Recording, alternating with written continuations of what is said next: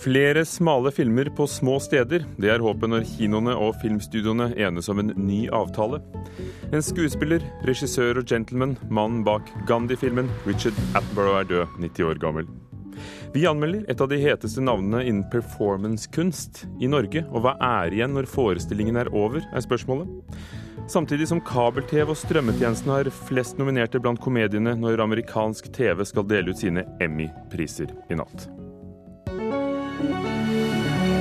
Dette er saker i Kulturnytt i Nyhetsmorgen i NRK. De siste årene har flere norske småkinoer blitt nektet å sette opp smale filmer og barnefilmer. Grunnen er en avgift som har gjort det for kostbart for filmdistributørene. Nå går det mot en løsning, en ny avtale. Om nye avgiftssatser er på plass. Nå mangler bare signaturen til ett stort Hollywood-studio før avtalen som gir flere filmer til små steder, er i orden. Ja, det høres helt helt suverent ut. Det høres flott ut. Så det gleder vi oss til. Det sier kinosjefen ved Tynset kino, Else Nyheim. De siste årene har Tynset kino nemlig slitt med å få satt opp enkelte filmer. Vi har um, hatt problemer med å få en del barnefilmer og en del uh, gode, smalere kvalitetsfilmer. Uh, har vi da blitt uh, nekta. Vi har ikke fått satt dem opp på Tynset kino. In the village of Greendale, Pat has always been. Oh, wow. Not again. The complete package. Wish I was a postman. Postman Pat er en av filmene Tynset kino ikke har fått satt opp. Og grunnen er at det har vært for dyrt for distributørene.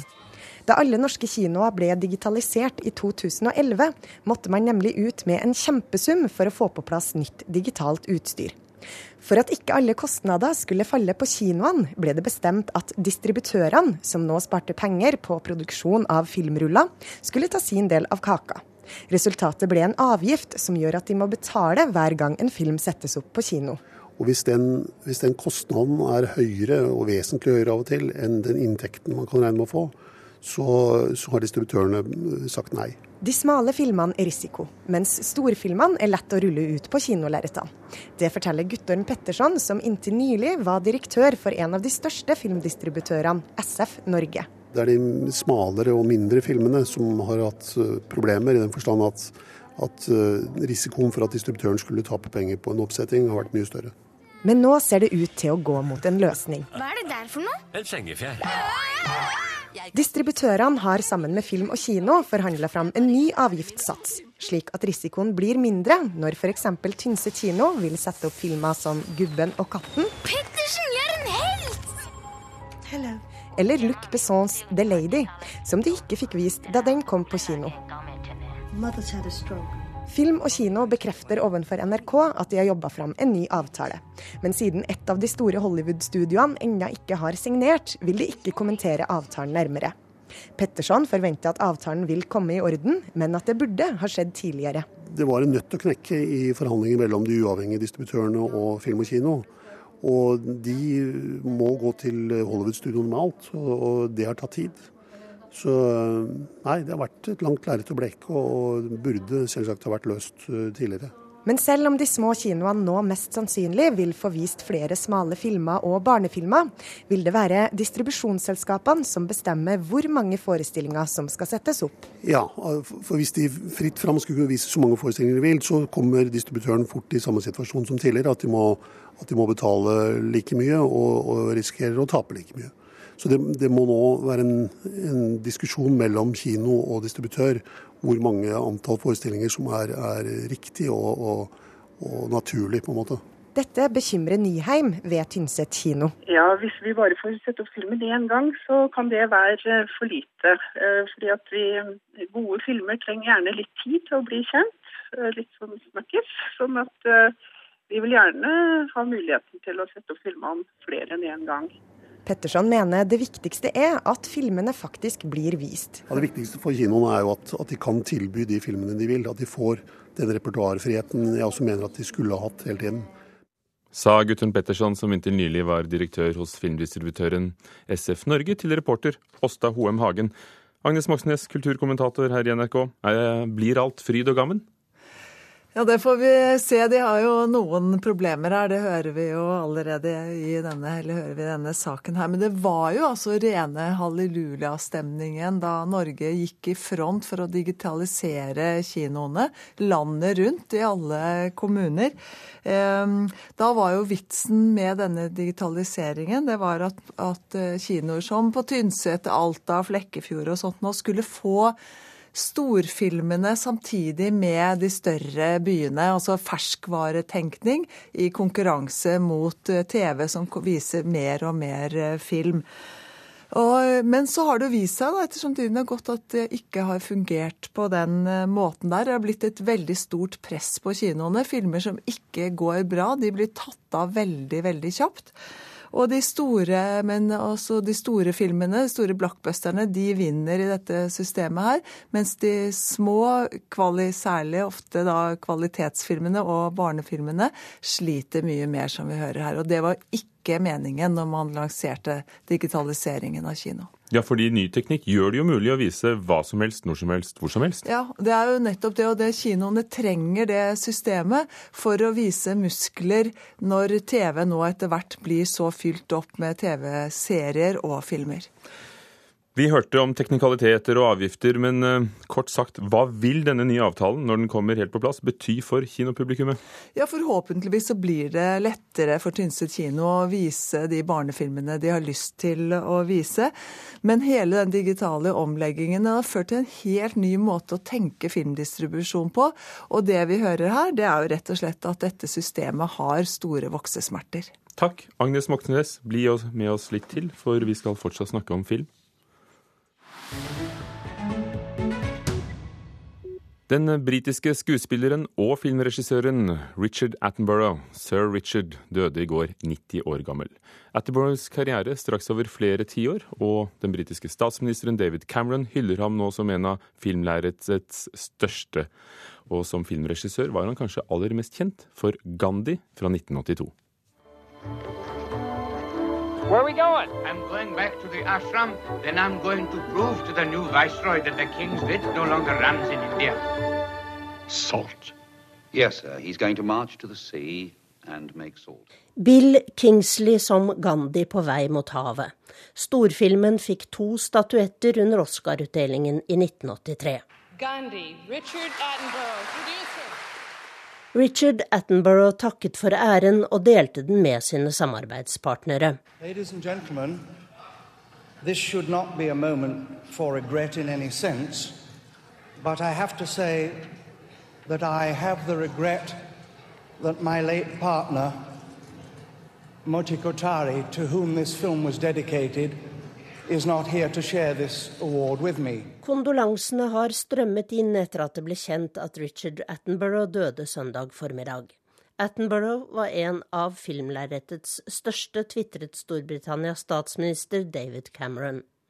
Hans karriere strakk seg over flere tiår, og han fikk sin første filmrolle i 1942. Siden har han spilt i filmer som The Great Escape og Jurassic Park. Richard var broren til naturfilmskaperen David Attenborough, og han ble slått til ridder i 1976. Det siste året hadde han bodd på et pleiehjem i London etter at han ble rammet av slag. Han døde søndag, fem dager før sin 91. fødselsdag. Fortalte reporter Tone Staude. Agnes Moxnes, eh, vår kulturkommentator. Der kan jeg jo spørre, hvordan var han? Eh, jeg møtte han i 1987. Da var han i Norge i forbindelse med lanseringen av filmen 'Cry Freedom'. Eh, og jeg hadde forberedt meg veldig grundig til dette intervjuet og skrevet lange, kompliserte eh, spørsmål på engelsk. Og, da jeg hadde stilt det lengste av dem, så sa han bare å, du mener å spørre meg om det hjelper å lage politiske filmer? Og det var det jeg gjorde, men han sa det på en svært elskverdig og hyggelig måte, og det var vel det som karakteriserte ham. Og det merker man jo også veldig godt i de reaksjonene som kommer nå på dette her, det at vi har nå fått vite at han, har, at han er død. Jeg ser bl.a. Steven Spielberg, som jo regisserte Jurassic Park, hvor Richard Attenborough eh, spilte. Han sier at jeg stiller meg nå i rekken av film- og teaterfolk som elsket og beundret eh, Richard Attenborough. For da du spurte ham om politiske filmer i 87, var det fordi filmen om Sør-Afrika og ANC kom Cry Freedom, og så hadde han laget Gandhi noen år før, i 1982, som fikk åtte Oscar. Hva sa han da? Hvorfor laget han politiske filmer? Mente han at det hjalp? Du, Han vokste opp i et miljø hvor den politiske aktiviteten var ganske stor. Moren hans var veldig opptatt av den spanske borgerkrigen. Eh, sånn at hans politiske bevissthet og hans sosiale bevissthet har hele tiden påvirket filmene han har laget. Og også hva han brukte inntektene til. Altså Inntektene til Gandhi gikk bl.a. til Redd Barna og andre store innsamlingsaksjoner. Så hans, hans eh, forhold til sitt eget medium, altså det å lage film, var helt klart veldig bevisst. Og så var han utdannet skuespiller. Han gikk på, på Rada, det berømte akademiet i London. Ville spille teater fra han var fire år gammel, eh, sies det. Han ble flyger under andre verdenskrig og laget en film over Tyskland i, i 44. Men hva annet har han gjort? For det vi først og fremst har hørt om, er jo disse store filmene. Altså første, han, En av de første filmene han laget, var 'Bridge to Far', om et, en mislykket uh, operasjon under annen verdenskrig. Hvor han bl.a. også hadde med seg Liv Ullmann i en rolle. Eh, så er det jo mange som husker den nokså lettbeinte, men morsomme storsuksessen Chorus eh, Line. Eh, Cry Freedom, som vi snakket om her. En av de siste filmene han laget, var Shadowlands med Anthony Hopkins som CS Lewis, altså den britiske forfatteren. Så et ganske stort spenn mellom disse filmene Richard Attenborough laget. Takk skal du ha, Agnes Moxnes. Attenborough døde altså i går, 90 år gammel, i England.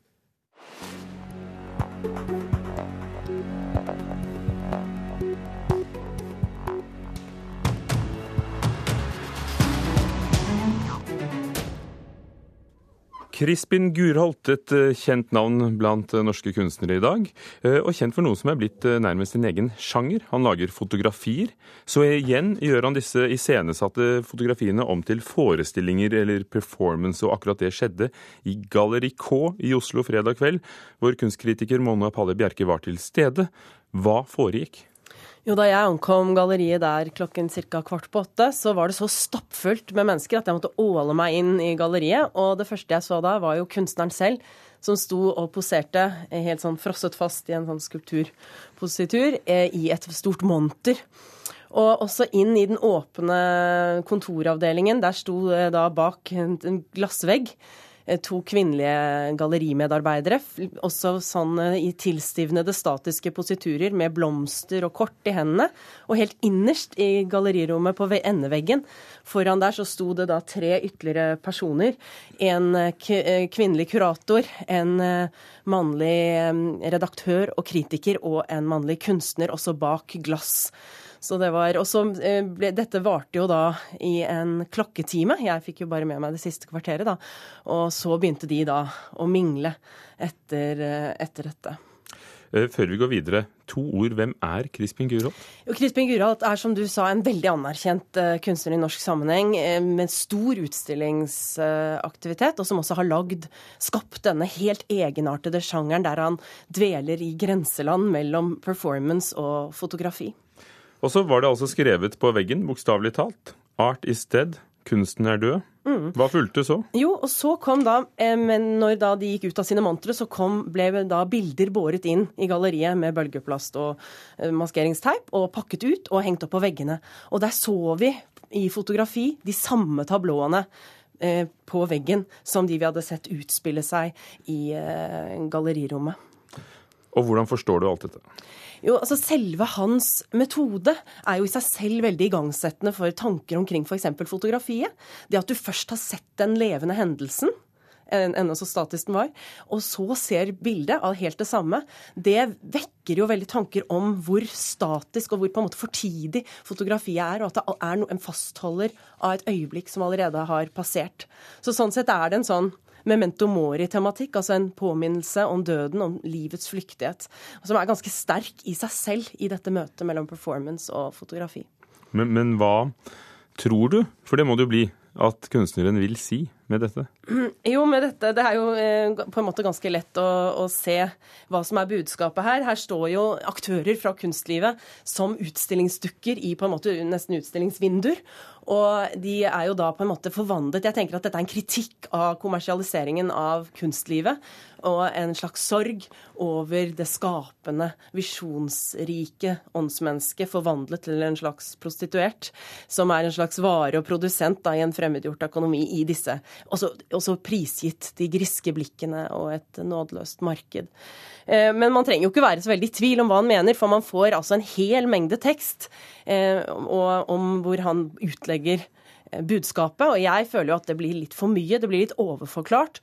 Og han står litt i fare for å drepe et mangfold av forståelser, ulike tolkninger, som disse verkene egentlig åpner for. Eh, også ikke minst ved denne litt plumpe, syns jeg, teksten 'Art is Dead', som står med store typer på veggen. Men hva er igjen av verket? For hvis jeg kommer til galleri K nå, eh, i Oslo, hvor dette er, eh, så ser jeg jo ikke kunstneren selv, som du gjorde, eh, eller selve forestillingen, performancen, men fotografier. Så, mm. så hva er igjen av kunsten når alt dette har skjedd? Altså, det er jo alltid helt klart sånn at det taper én dimensjon da, når du ikke ser både forestillingen og eh, bildene. Men sånn vil det jo alltid være med arbeider som inkluderer performance som en viktig del. Men det er klart at man må vite at, man, eh, at disse fotografiene også har en performativ side, eller en, en, performance knyttet til seg. Og så vil man få noe ut av også, også disse bildene, tror jeg. Takk skal du ha, Mona Pale Bjerke, om Crispin Gurholds siste utstilling. 19 minutter over åtte, du hører på Kulturnytt i Nyhetsmorgen, hvor overskriften er at eh, lærerkonflikten er fastlåst. I dag aksjonerer lærerne på Energimessen i Stavanger, der kunnskapsministeren og statsministeren er til stede. Det er ventet stor oppslutning også med demonstrasjon i Oslo mot terrorgruppen IS i dag. Og flere gravide slanker seg under svangerskapet for å kunne føde barn under tre kilo. Det sier Jordmorforbundet til Aftenposten i dag. Flere norske filmer vises utenlands, og flere filmregissører og skuespillere får jobb internasjonalt. Både forbedret selvtillit og mer profesjonalitet er noen av årsakene, sier folk i bransjen selv. Det norske folk har presset norsk film til sitt hjerte, og for oss som er eh, innholdsskapere, så er det jo akkurat den patriotismen og gleden vi ser fra det norske folk, som gir oss de ekstra kreftene til å få det til å monne også i utlandet.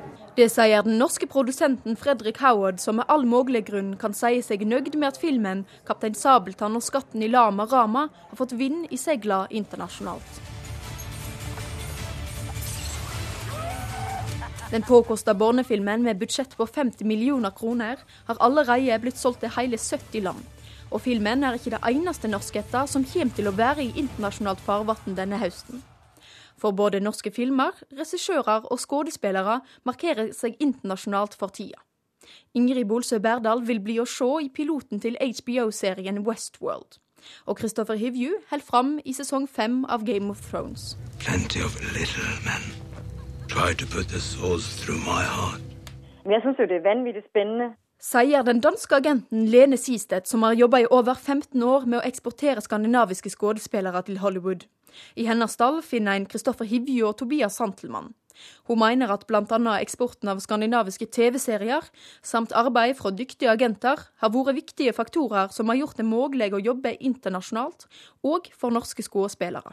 Der er blevet lavet et øh, stort benarbejde fra agenter og managers, simpelthen at promovere skuespillere til det udenlandske marked øh, igennem mange år. På regisida er Morten Tyldum aktuell med The Imitation Game, en amerikansk biografisk dramafilm med Benedict Cumberbatch og Keira Knightley på rollelista. It's beautiful. I tillegg er det to norske regissører, Hans Joakim Rønning og Espen Sandberg, som styrer skuta på den neste Pirates of the Caribbean-filmen. En film med et budsjett på svimlende 300 millioner dollar. Innspillinga tar til på nyåret. Nivået i Norge er like høyt som i alle andre land, og da er det en naturlig konsekvens at også norske regissører konkurrerer og kan være med på store utenlandske produksjoner sier forbundsleder i Norske filmregissører Marianne Kleven, som peker på at det å jobbe i Hollywood ikke nødvendigvis er drømmen for alle. Men det er kjempegøy at noen kommer seg dit. At norsk film er inne i en ny fase som er verdt å følge med på, er Fredrik Howard overtydd om. Og det er veldig morsomt at norsk film har kommet i en posisjon som gjør at talentene våre reiser, både på regi- og skuespillersiden. Filmene våre blir sett. Filmer som eh, 'Hodejegerne', eh, 'Kon-Tiki' og flere andre har vært viktige døråpnere internasjonalt. Og eh, vi er en bransje som eh, begynner å få en selvtillit på at det vi lager, har en appell også ute. Og reporter her var Guro Kvalnes. Natt til eh, i morgen, norsk tid, går årets Emmy-utdelinger av stabelen i Nokia Theater i Los Angeles, USA. De siste årene har strømmetjenester og kabelselskaper kapret en stadig større del av prisene, og nå står også de tradisjonelle TV-kanalenes siste bastion, sitcomen, for fall. Ladies and gentlemen, your host for the 65th Primetime Emmy Awards, Neil. Slik høres det ut da Emmy-prisene ble delt ut i fjor. Nå er det tid for å få vite hvem som stikker av med de gjeve TV-prisene for 2014. Komediekategorien er der det skjer absolutt mest nyvinning i TV-fiksjonen akkurat nå. Sier førsteamanuensis i medievitenskap ved Høgskolen i Hedmark, Gry Rustad. Strømmetjenester som Netflix og kabelselskap som HBO har vunnet flere og flere Emmy-er de siste åra. Nå tar de også over sitcomen. Komediesjangeren har jo lenge vært liksom nettverks, nettverkenes siste bastion, og den står jo da nå for fall. For av de seks nominerte i kategorien for beste komedie, kommer fire fra strømmetjenester eller kabel-TV som brukerne abonnerer på. Bare to er fra tradisjonelle reklamefinansierte kanaler som CBS og NBC. De, de må rett og slett bare innfinne seg med at uh, de er ikke enerådende på innholdsproduksjonen lenger, altså sånn som de var f.eks. på slutten av 90-tallet, hvor NBC hadde alle de store og beste seriene som vant alle Emmy-prisene, som Friends og ER og West Wing og Seinfeld. Seinfeld, som ble sendt på NBC på 90-tallet, hadde i sin siste sesong over 38 millioner seere bare i USA. Det er tall som de reklamefinansierte kanalene bare kan drømme om i dag. Rustad tror de nå vil satse annerledes. Jeg tror de bare antageligvis kommer til å prøve å tenke vi vil heller ha lojale, uh, mer, et mer lojalt publikum. Uh, og kanskje ikke prøve å nå 20-30 millioner, men hvis man gjør det, så er det selvsagt en bonus. Sa Gry Rustad, som har forsket nettopp på amerikanske TV-serier, til vår reporter Lars Ivar Nordahl. Cecilie Asker, anmelder og kommentator i Aftenposten. Hva betyr utviklingen for oss, for TV-seerne? TV-seerne er jo den store vinneren her, da. Fordi eh, nå har det blitt så stor konkurranse mellom eh, strømmetjenester og tradisjonelle TV-kanaler og kabelselskaper at alle må bare by på det beste de har. Um, og TV-serier har liksom uh, har liksom blitt gullet her, da. Det er det alle driver og byr på. Så som eh, publikummer så er det bare å lene seg tilbake og nyte turen, altså. Men hva, hva, er grunnen til at disse store amerikanske TV-selskapene taper terreng? For de burde jo være godt rustet til fortsatt å, å, å lage ting i toppklasse? Ja, altså pengene følger jo øh, øh, annonsekronene. Øh, og annonsekronene følger jo publikum. Og det vi har sett nå de siste årene, er at Uh, man måler ikke lenger bare hvor mange som ser ting, man måler også hvor mye engasjement det skaper i sosiale medier. Uh, og der er det TV-serier som topper. Altså, tidligere var det sportsprogrammer og realityshows som var det som fikk mest penger, men nå er det TV-serier. Og da er det rett og slett sånn at man, man putter alle pengene der, og det tjener jo publikum på, da. For vi får veldig mye bra TV-serier. Og når du ser på de nominerte til eh, Emmy-prisene, hvem bør vinne? Hva er de beste seriene i år? Ja, I år er det faktisk eh, veldig vanskelig å gjette. fordi det det er i alle kategoriene er det flere verdige vinnere. I humorkategorien, er det jo, komediekategorien, er det jo veldig spennende. Og jeg håper at det blir Orange is the New Black, som er da eh, på Netflix. Det hadde vært litt gøy, for at det ville blitt eh, historisk. Um, men det er også flere andre bra Kort, hvorfor er den serien bra? Jo, fordi den er Ikke minst fordi den har veldig mange kvinnelige roller som er nyvinnende. Og den har også et Den strekker Den tøyer litt grensene for humor da, på nye måter. Andre gode serier? Weep er jo Vi hørte jo Seinfeld her i stad. Den kvinnelige hovedrollen i Seinfeld følger opp veldig bra i Weep. Eller så er det jo dramakategorien som er den regna som den tyngste.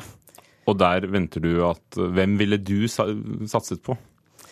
For du har jo sett de fleste av dem. Ja, jeg har det. Jeg tror kanskje Breaking Bad vinner som en sånn siste, en siste farvel, men jeg håper det blir True Detective. Takk skal du ha, Cecilie Asker, kritiker og kommentator i Aftenposten. Og i morgen tidlig får vi vite hvem som fikk Emmy-prisene. Kulturnytt var ved Hilde Tosterud teknisk ansvarlig, Birger Kålsrud Jåsund produsent og Ugo Fermariello programleder. Ja. Nei, vi skal uh, høre at uh, lærerstreiken fortsetter, og Musikernes uh, Fellesorganisasjon trapper opp i dag. De tar ut 41 medlemmer på kulturskoler, ungdomsskoler og videregående skoler over hele landet. I vårt distrikt gjelder det ett medlem av organisasjonen som jobber på Elverum videregående skole. Og to av tre områder med verneverdige trehusmiljøer i Norge er ikke brannsikret. Det viser en undersøkelse fra Riksantikvaren og Direktoratet for samfunnssikkerhet og beredskap. Det er nødvendig med bedre brannsikring, sier Harald Hibenholt, som er hos Riksantikvaren. Nå blir flere kommuner om penger for å sikre sine verneverdige trehusmiljøer. Og så minner jeg om at vi i Kulturnytt har hørt at et bredere filmtilbud av smale filmer kan ventes på små steder. For det er håpet når kinoene og filmstudioene blir enige om en ny avtale som skal gjøre det mulig å vise også de mindre filmene. Det var Kulturnytt. Du kan alltid finne oss også på nettet. nrk.no kultur. Takk for nå.